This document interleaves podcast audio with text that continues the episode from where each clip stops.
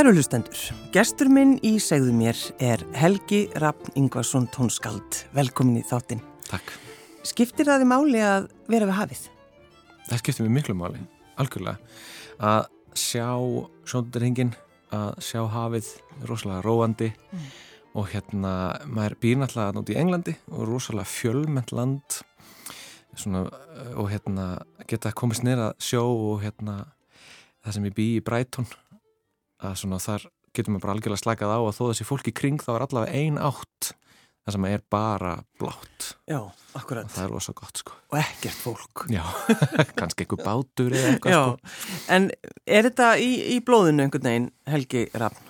Já, ég hérna eh, er svona hálfur frá Kvamstonga Mm. og þar er náttúrulega, við erum náttúrulega öll á Íslandi náttúrulega alltaf með hafið svolítið við okkar eh, strönd sko, en, en hérna eh, ég er svona hálfur frá Kvamstonga og þar erum við með lítið húsun alveg við fjöruna og, hérna, og maður pappið þaðan og við förum hana reglulega og, og þar sér maður kvali og, og hérna seli stundum út um gluggan bara og þannig að þetta er, þetta er svona, og maður hefur verið tengdur þessu svæði alveg frá batna sko Þannig að þetta er rótgróið. Já, en, en þú hefur semst ekki búið þannig að þú varst lítill, heldur bara fórst... Bara þegar ég var svona eins, tvekja, þryggja sko já. en, en hérna amma og afi voru hann alltaf og þannig að maður var alltaf heimsækja þau og hérna og frendfólk og annað sko hann að þetta eru sterkar rættur sko já. Hvernig leiðir þá í London? Þú varst þar í, í fimm ár í skóla. Það var rosalega skemmtilegt að vera í London og þegar maður er á sem aldrei sko hérna, þú veist, 30 aldrei snemma þá mm. náttúrulega er London bara rosalega spennandi borg og í nokkur ár finnst manni það hérna, mikið partí og svo fer borgin kannski aðeins að þrengja að maður sér aldrei soldaringin fyrir, fyrir, fyrir borginni sko. þannig að þá fer manni að langa aðeins að komast eitthvað annað. Og þá var þetta, þá fluttu við söður til Breiton og, og þá er maður aðeins það er aðeins með hægt að anda aðeins meira það Já, sko. það skiptir voru miklu máli að geta andað. Dreyið djúft andan Það er, það er náttúrulega Helgi Rafn ekki hægt að tala við þig án þess að nefna idol-kernina mm -hmm.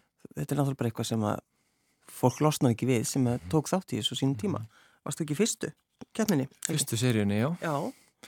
Og Kalli Bjarni vann þannig og fleiri góðir hann voru með og Sessi og Rannveig Kára og fleiri, margi fleiri góðir. Já. og þetta var rosalega skemmtilegt. Og maður var, hvað var ég, 18 ára eitthvað svo leiðis, þetta eru komin einhver 18 ár síðan. Þannig að um, og þetta var svona hálfgjörðu draumur sko, það var útrúlega erfitt. Maður átti að þess ekkert á því hvað þetta var í rauninni þegar maður var í þessu sko. Mm. Svo líða árin að hugsa maður tilbaka og hugsa maður bara, já þetta var alveg þetta var svolítið mega Mm. og hérna maður flætti svolítið bara svona með og hérna og það var náttúrulega eitthvað 90 og ég heyrði einhverja tölu á meðunum í þessu sko, það var eitthvað 93% áhorf Já.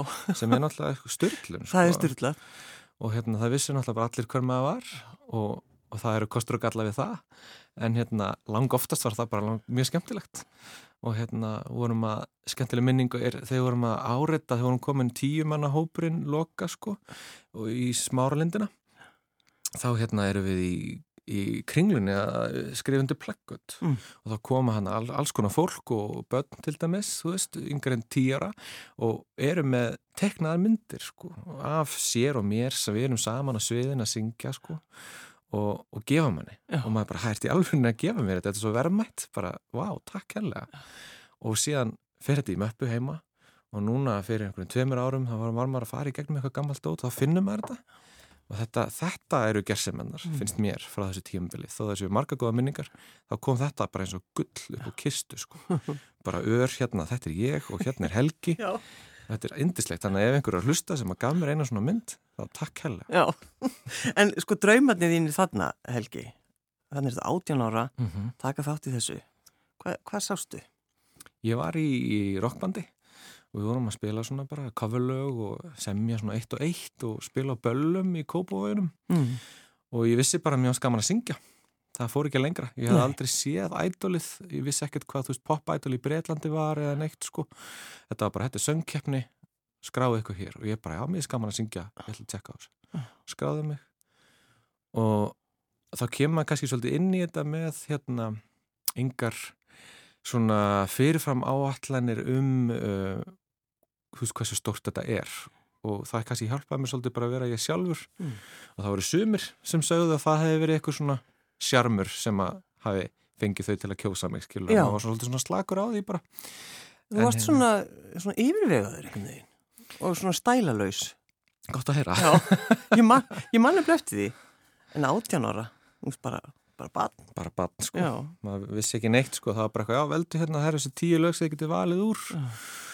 og hérna og tónlistastjórinn láti hann bara vita hvað þú ert að velja og jú, ég vel hérna og svo bara fyrir heim og æfi það og svo mæti ég bara og maður eitthvað neginn tók bara dag í einu og, og var já, já. þetta er rosa skrítið að hugsa um þetta sko Já, núna í dag er það ekki? Segir, sko, doktorinn í tónlist. já, Þú fórstu út í það. já, Og hvað, bara, hvað þýðir það að vera doktor í tónlist? þetta er alveg frábær spurning og ég held ég hef bara aldrei verið spurður að þessu það er svolítið svona bara, já, doktor í tónlist og bara kink. Fólk svona kinkar bara og bara auðvitað og bara frábært og maður er svona þetta er í rauninni að vera með þú veist, maður fær þjálfun í því að leysa með flókin vandamál. Og það þýðir ekki að, að fólk sem er ekki við doktorskráði geti ekki gert þetta að sjálfsögðu en, en maður, maður, þetta, maður fær að fara inn í eitthvað umhverfi með vandamál Mm. sem er, manni finnst allavega, svolítið stærra en maður sjálfur. Og maður fer inn í umhverfi þar sem að fólk er tilbúið til þess að eiga þessar samræður og getur stutt við samræður sem að eru lausna með þar og uppbyggjandi. Og þú ert að vinna þessu vandamáli eða þessari spurningu þinni þessi þrjú ár lámark, stundum tegist þetta náttúrulega. Og hérna og þú á endanum átt að vera síðan komið með ákveði svona umgjörð fyrir þetta vandamál sem að þá leysir það eða ekki og, og þú allaveg ert búin að fara þetta ferðalag að skoða alla hliðar á þessu Mm. og þetta svona allavega sem tónskáld opnar rosalega fyrir mig og þetta var eitthvað sem ég einhvern veginn varða að gera og því ég þurfti, mér langaði svo að skoða ákveðna hluti innan óperulistarinnar sem að hefur með sko nýjar óperur að gera og að skrifa óperur og hérna og hvernig sko tónskáld og ratskrá og söngvarar vinna saman í, í svona mjög óvinnilegum stílum, svona stílum í hérna sviðslista og hvernig þetta samstarfsferlið var, var það sem ég hafði áhuga á. Og hérna og uh, na, þarna sló ég mig alveg út að læginu stundum hugsa maður á mikið sko Já, líka þetta er bara svo, er bara svo erfið spurning. já, hún er svolítið stór sko Já, ég veit, já, já, ég veit það. En- En sko, og, og hvað, þegar maður er komið með þetta? Mhm. Já, Við- einmitt fyrir ekki, sem tónskáld þá, þá, þá, kem, þá þetta var mikilvægt fyrir mig og þá kem ég út úr þessu með sko, uh, þá finnst mér ég eins og ég geti sko fengið hérna uh, sérst tilbóð um einhver verkefni og svona og þá kemur, þó það sé kannski ekki alveg nákvæmlega mín hérna sér grein Mm. þá get ég samt, þú veist, nálgast það með sömu aðferðafræði og, og, og hérna, brotið það niður og unni með það og gert eitthvað gott úr því heldur en, en ef að, þú veist, nú er ég bara að tala um mig persónulega, Já, heldur, já. en, heldur en áður þá kannski vantaði manni þessi verkværi að geta sko tekist á við alla brettina af tónlistastílum en núna með þessa reynslu þá get ég einhvern veginn dottið inn í miklu fleiri verkefni þannig að doktortitillin er svona eitthvað sem maður kannski hefur bara svolítið fyrir sjálfan sig Já, já, en, já. en maður býr að því og þessar reynslu og, hérna, og gerir maður bara svolítið svona stærri sem svona uh, þú veist, fjölhæfari kannski bara frekar er kannski bara orðið Já, já. hjálpa mér að vera fjölhæfari Er það ekki svolítið gott? mér finnst það Já. Núna til dæmis þá uh, skulum aðeins tala um rafóperu, bara orðið eitt og sér. mm -hmm. Það kannski hræðir fólk á einhverju leiti, mm. suma, Mm. aðra ekki. Hvað, hvað óperu er þetta sem þú varst að gera? þessi ópera er hérna Music and the Brain er ópera eftir mig og með handriti eftir Rebecca Hurst. Uh, við uh, skrifum þetta stykki út frá bók eftir Oliver Sacks sem heitir Musicophilia hann skrifaði til þess aðra bók sem að fólk kannast við margir kannast við allavega. Mm. uh, kon, maðurinn sem held að kona sín var í hattur. Já, akkurat. Og rosalega flottu penni. Og hann hérna skrifar uh, svona hálfræðilega, hálfmannlega og er hérna maður þarf ekki að vera sérfræðingur í, í taugafræði eða heila sjúkdómum eða, eða slíku til að hafa gaman að þessu. En musicofíli eru marga smásögur um fólk sem hefur lendt í einhvers konar heilaskaða mm. og það hefur breytt skinnjun þeirra á tónlist og þetta eru rosalega merkilega sögur. Og við tökum sérstaklega nokkrar mismunandi sögur af mismunandi fólki sem er allt tónlistafólk. Og það er starfandi tónlistafólk fyrir, lendir í heilaskaða, einhvers konar sleysi mm. og, og verður svo einhvers konar, það verður til einhvers konar bæklun í því hvernig þau eru sem tónlistamenn. Þannig að þau skinnja ekki tónlist eins og þau gerðu áður, get ekki komið fram, get ekki sungið, ná ekki að, þú veist, að lesa nótur lengur, alls konar svona sögur, sko. Og við röð, tökum svona okkar uppáhalds úr þessum smásögum. Þetta er allt sannarsögur. Já, þetta er allt saman. Allt sannarsögur, allt sannarsögur. Og hérna, og röðum þeim inn í eina personu. Þannig að það er einn persona í sögunni sem að okkar, sérst í ópröðun okkar sem að heitir bara söngvarinn. Hún er, við komum inn í söguna sem hún er nýbúna að rauninni, tilturlega nýbúna að lendi í þessu slisi mm. og er svona ennþá átt að segja á því að þetta sé búið að gerast. Hún einhvern veginn var söngkona og var svona aðverða fræk sko. Búin að gefa þetta eina plötu sem var svona verða svolítið þekkt og svo lendur hún sér slisi og hún bara einhvern veginn heyrir ekki tónlist eins og hún gerði áður, getur ekki sungið og það bara einhvern veginn reynu lífinar svolítið. Og sín er læknirinn, hinn personan og hann er að reyna að, að reyna þú veist að lækna hana sko, og reyna að koma staði í hvað er að. Uh, hvað, það sem að verður til þarna er samtal um hvað er tónlist. Og hann sem vísindamæðurinn er svolítið að tala fyrir því að, að þetta sé taugafræðilegt fyrirbæri, þetta eru bara hljóðbylgjur sem komin í eirað og þetta fyrir inn í heilan og þá skinnjum við tónlist skilur en, en hún er að tala máli tilfinningana tónlist er það sem við finnum veist, í hjartanu og í líkamannum þegar við erum að syngja og minningar og grátur og, og hlátur og allt þetta. En auðvitað er svarið einhver staðar á milli og það er mjög erfitt að svara þessa spurningu. Og við erum ekki að reyna að svara henni í verkinu en við erum bara svona að vekja, vekja þetta samtal á milli þeirra og hann er mikill aðdáðandi hennar og á hann að upptöku af henni að syngja uh, ítalst verk sem er nýtt samið af mér en í stíl svona síkildra belkant og ítalskra aria. Mm -hmm. og hérna hún syngur það svona af og til brist svona út úr mókinu og verður síðan aftur sjúklingur. Og þetta er svona, alls, svona tónheimar sem að flakka fram og tilbaka sko. Og þetta fannst mér rosalega óperist þannig að maður er alltaf sem tónskáld þegar maður er að skrifa óperu, allavega ég mm. alltaf að leita að einhverju sem að hérna, efni sem að er, þú veist, þetta er maður getur lesið bók og finnst þú náttúrulega flott en hún á ekki endilega að vera ópera, þú veist, hvað gerir þetta þess að sögja óperu en ekki bíómynd mm. eða stuttmynd eða, eða hvað sem er þú veist, af hverju þetta ópera og þetta er svona músikinn, tónlistin er alveg kærni þessara sög og hún myndi ekki fungera þessi saga án tónlistar út af því hún er um tónlistarskinnjun og þá verður til þetta óperíska og svo líka bara að skrifa óperu um personu sem að getur ekki lengur sungið, þetta, þetta er svona, þetta er svona talandu drama. já. já. Þetta er svona verk eiginlega um sjálft sig næstu sko. þannig að það fannst mjög mjög spennandi. En skemmtilegt, og þetta þið ætla að sína þetta núna er það ekki um helgina? Já. Í skóla, í tónlistaskóla Sigurða Demens. Já, söngskóla Sigurða Demens. söngskóla mhm. Sigurða Demens og þetta er aðtöru síning, við fáum að fara að koma hana inn í nýja salin þeirra sem er rosalega fallegur. Og Gunnar Guðbjörns er að syngja hérna tenor hlutverkið, hann er að syngja læknin og rosalegur einslubalti og öflugur, hann svona það þurfti einhvern eins og hann í þetta hlutverk sko, læknirinn er svona hann er hérna svona rótgróin innan vísindarsamfélagsins og svolítið svona sterkur karakter sko. Þannig að þurfti svona mikla rödd í þetta. Og hann er með það alveg heiklust og svo er Þórgunur Anna Örnálfsdóttir, hún er svona tilturlega nýkomin úr mastisnámi í Kaupmannöfn, býr þar og, og er rosalega mikil talent og góð leikona sem að skipti miklu máli, þetta er, svolítið, þetta er rosalega dramatísk rölla, hún þarf að flakka all tilfinningaspektrumið hann sko. Og hérna, hún er svolítið byrjað að sérhefa sig í því að frumflytja nýverk og það er alveg talent út af fyrir sig. Þannig að það er rosalega gott að hafa hana í hópnum. En hvað, hvað gerur þú svo við þetta? Sko, mun, mun hún halda áfram? ætlar að senda hann ekkert út í kosmosið? Það er oft mistök sem að tónskald gera og allavega ég að stundum að hugsa það svo langt sko. fólk spyrir mér svona, já verður þetta síðan ekki bara útsett fyrir symfóniljósett og, og hérna ferði ekki bara með þetta til Þýskalands og eitthvað já. svona sko og maður bara, það getur verið svo, það getur verið svo hérna gagnvirt að einhvern veginn að, að virka gegn okkur að, að hugsa aðeins og langt sko, maður frekar bara að láta þetta bara fungera eins og það er núna. Núna er þetta svona smátt, það er piano, það er flautulegur það, það eru rafljóð mm. og svo eru tveir söngurar. Og núna er þetta bara það.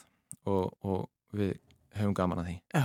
en síðan höldum við náttúrulega alltaf áfram skilur og leða þetta er búið, það fer ég bara að leita nýjum tækifærum mm. skilur og það er þannig virkar þessi bransi hygglust en, en ég hef lært að það er gott að halda sér svolítið bara í núinu það er sko fólk sem fer á námskið til þess að gera já, það Já, akkurat þá hjálpar sjórin, sko, maður lappa bara neyra strönd já. og fer bara aðeins að íhuga bara það er mjög gott, það er mjög gott hver er konaðinn Helgi Rapp? Eh, hún heitir Helen Whittaker og hún er flautuleikari og við, við hérna búum saman hérna úti og hún er bresk, við kynnumst hérna í London og, og uh, það var nú bara ekki aftur snúið sko. Það var bara þannig? Já. Var það ástu fyrstu sín? Það var það sko, algjörlega. Það var svolítið svona, við vorum í matabóði hérna hjá sæmjöluðum vinum mm. og ég held að ég ætti að vera hérna bara einn og maður var svolítið svona þreyttur eftir námið og var í, ég var í doktorsnáminu og maður tekur svolítið á og svo góði vinið mínir alveg hínum enda London, þú veist, mm. þeir sem það búið í London þeir þekkja þetta, þú veist, það er ekkert skrepp sko. nei, nei. Og þau segir bara, heyrðu, þú var að bara gista á sófanum og, og hérna, ekkert, kontur bara í mat til okkur og slaka og maður held svona, að ég ætla bara að vera með fólki sem ég þekki, ég nefn ekki að hitta eitthvað nýtt fólk núna. Og bara matur og síðan fæ ég bara gista á sófanum, rosa næst og það er alveg klukkutíma, einna hálfur ferðalag þvert yfir London. Og svo hérna kem ég aðna og við erum svona hálnað að borða og þá segir hérna, heyrðu, og helen vinkonur ætlar að kíkja líka. Og ég man ég hugsa bara, tjöfl og ég nenni ekki að hitta nýtt fólk núna, ég get það ekki, ég er svo þreytur svo kemur hún og bara, hún er svo geislandi að það er bara fyrst, bara þegar við sittum á móti hvort öru, það er bara, er bara galdur þannig að það svo tilfinning hvarf mjög hratt að ég nefndi ekki að hitta nýtt fólk þannig að það var mjög indislegt kvöld mm. Og sko, varstu eitthvað fann að hugsa um ástina? Varstu eitthvað að pæla í því, í þínu námi eða, eða varstu bara einhvern veginn? Akkurat á þessum tímpunkti þá var maður svona aðeins búin að leggja það kannski upp á hillu sko. Já. Það var svona bara svolítið mikið í gangi. en hérna, ekki útlöka sko. Nei.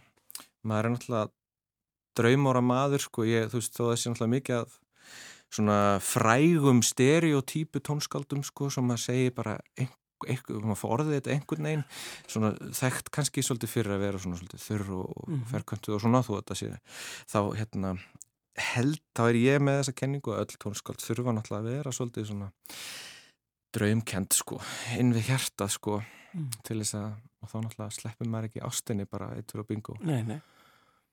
Maður þarf að láta sér dreyma. Já og þið þið fóruðu að heimsækja lækni um daginn. Já Það er framöndan, spennandi verkefni. Já, í næstu viku þá, þá hérna eru við að fara í omskoðun og það er okkar fyrsta batna á leiðinni og, og það lítur allt saman bara mjög vel út. Já. Hvernig leiðir með það, Helgi? Þið fóruð í, í fara í sónarinn. Mm -hmm. Hvernig leiðir?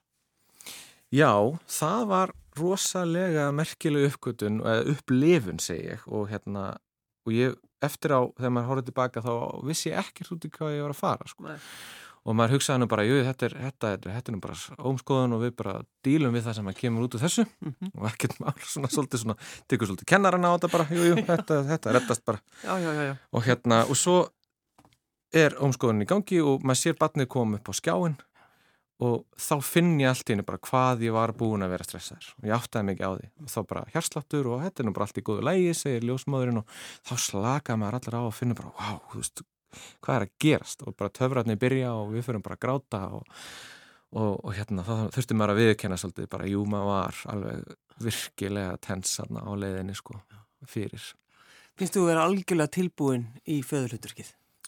Tilfinningarlega, mm. algjörlega, mm. já en svo vil maður ekki hérna þú veist, vera of kokki með hitt sko, maður náttúrulega þetta er náttúrulega rosalega upplöfun og og það breytist allt, segja allir náttúrulega og, og, og allt það sko. En við erum bæði tilfinningarlega tilbúin sko, maður er náttúrulega orðin 36 ára og, og hérna þannig ég hlakka rosalega til. Já. og við erum, við erum komið með svona uglupoka svona fyrir batnið sko. Þessi þekki þetta er svona, svona, svona prjónaður söppóki fyrir unga batn það er komið frá mömmu, það er mjög fallegt. Já, já. og heimförða föttin á leiðinni og, og hérna og sögur fyrir við aftur út og þá fyrir við á í vögguna en þetta er svona þetta, eitt skref í einu já, þetta er alveg indislegt og við erum rosalega spennt sko En hvað, sko færðu þessa spurningu Helgi, já við hvað vinnuru?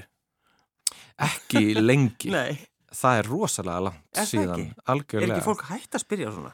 Jú, bara, þetta er rosalega góða punktur, ég hef ekki hugsað um þetta mm. lengi sko. Ég man því að ég var að gera sko fyrstu óperuna mína, ég hef skrifað einhverja fimm svona stuttar óperur Fyrsta óperan sem ég gerði var hérna sínt í salnum 2007 langar með að segja Skuggablóm og það var sko í samfunnu við óperudeld sögskólans í Reykjavík.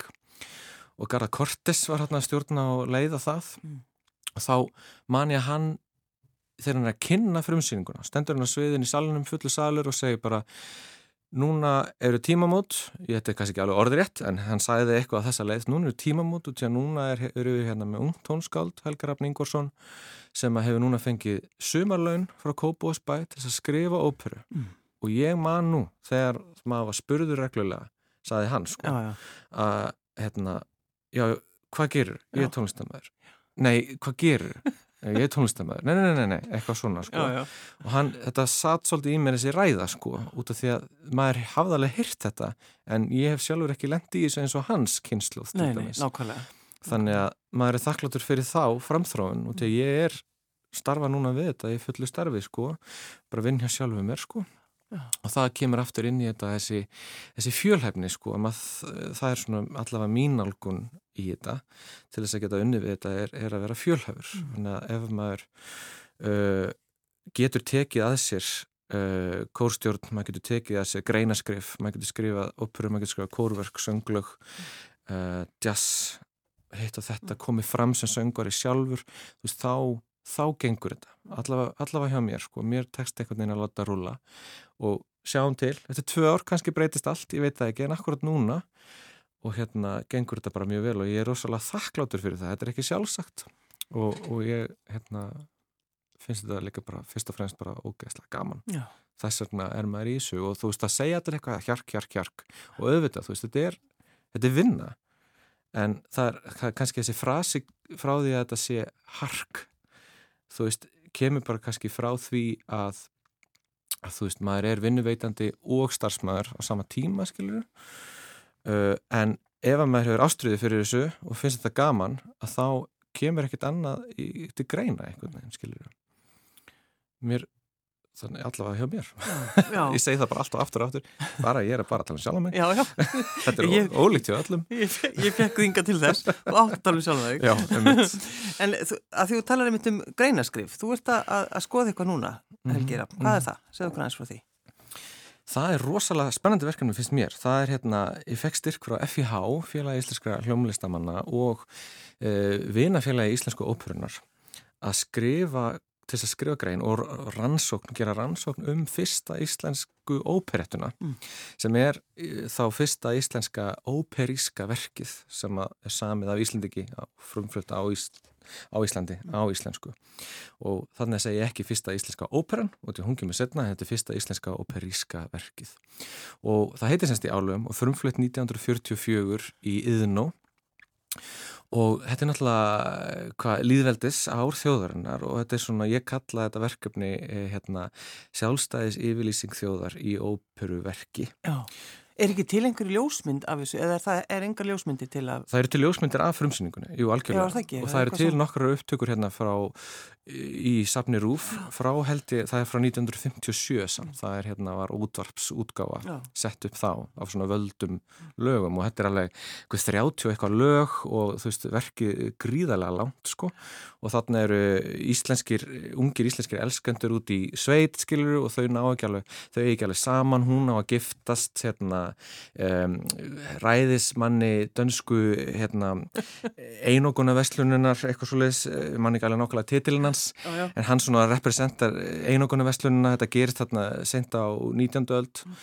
og hérna og hann náttúrulega er svolítið svona stífur í því að hann er svona vondi kallinn sko og þau reyna að flýja sko upp í fjöll til að vera saman og þar koma álvar og tröll inn í þetta og og þar er hann lagður í álög sko og þetta er rauninni líka rosalega feminist sko fyrir sinn tíma fyrst mér og hún endar á því að bjarga honum úr álögum sko Já það endar, það endar þannig Já, Já. og hérna og hann gengur hérna einhver jól sko alltaf með hópi af draugum og tröllum alltaf um í álögum og, og, og hérna e, gengur hérna hústöku inn í hús og er að tröfla fólk og svona þángar til að hún lærir e, ákveðna þulu mm. til þess að leysa hann úr álögunum og það eru þetta er svo rosalega íslenskt og ég var búin að finna að það það var sérst, minnst á þetta verk hér og þar bara í álum 1944 Já. eitthvað svona, en það stóð aldrei meira um það. Og þegar maður minnist á þetta við fólk sem er svona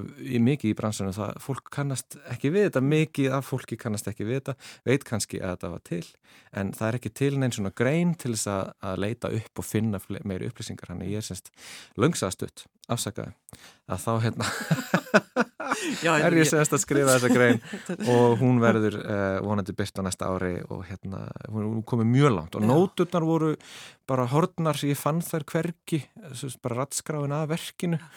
Uh, var algjörlega, þú veist, það var ekki til að tónverkamöstu og tónlistasafn Íslands kannast ekki við og ég hafði samvættið symfóníuna og óperuna og það fannst ekki neins þar. Þángat til ég komst bara í í kallaran á skjálasafni landsbókasamsins. Þá voru til einhverju kassar sem voru mertir tónskaldunni Sigurður Þorðarsson ég fæ bara að fara í gegnum þá. Þá finnst rætskráin þar handskrifuð öll. Og þetta bjargast þarna þetta og ég næði taka að skanna þessu sko. Og fyrir mér er þetta algjör gessimi sko, það er svo miklu upplýsingar í þessu. Þú getur skrifað um tónskóldið allan daginn, þú getur skrifað um að þetta hafi gerst þarna, hér og þar mm. en þú getur ekki líst tónlistinni það er, það er það sem þetta allt saman fjallar um. Mm. við værum ekkert að minnast á þetta að það hefði ekki verið þessi tónlist. Þá hérna er hún allavega komin í mínar hendur og ég er svona að byrja að greina hana og, og hérna og alveg sama hvort að tónlistin, þú veist, hvort að fólki finnist tónlistin góð eða ekki, það skiptir engum máli. Þetta er sögulegur viðbyrður í tónlistasögu Íslands og hérna og það á að vera til upplýsingar um þetta. Já, þannig að þú ert í þessu og, og þegar þú hefur farið þetta niður í kjallaran, þetta hefur verið svona eins og bara einhverju bíómynd, bara rík og þú með úvið ára Furðulega hreint Furðulega hreint, já já. Rosalega góð þjónusta, ég mæli með öllum sem vinna þar sko. Við ætlum að, ég ætla að senda það út í daginn Helgi, en við ætlum að hlusta á uh, eitthvað eftir þig. Voru annars að segja okkur frá því. Já, það er hérna verkið mitt Elektra frá 2019 sem er skrifaði fyrir reikvísku kamersettina Elektra Ensemble. Og hérna það var út af plötunni þeirra sem heitir samanafni Elektra Ensemble og er á Spotify. En mér skilst að því sem að hlusta á hérna lifandi upptöku frá frumflutningnum rauninni í Norðiljósum í Hörpu. Akkurat. og hérna þetta eru svo miklar tónlistakonur og færar sko að það var algjör draumur að vera þarna á þessum frumflutningi og hérna takk fyrir mig. Já, bara takk miklu frekar. Helgi Raffn Ingvarsson tónskald, takk fyrir að koma.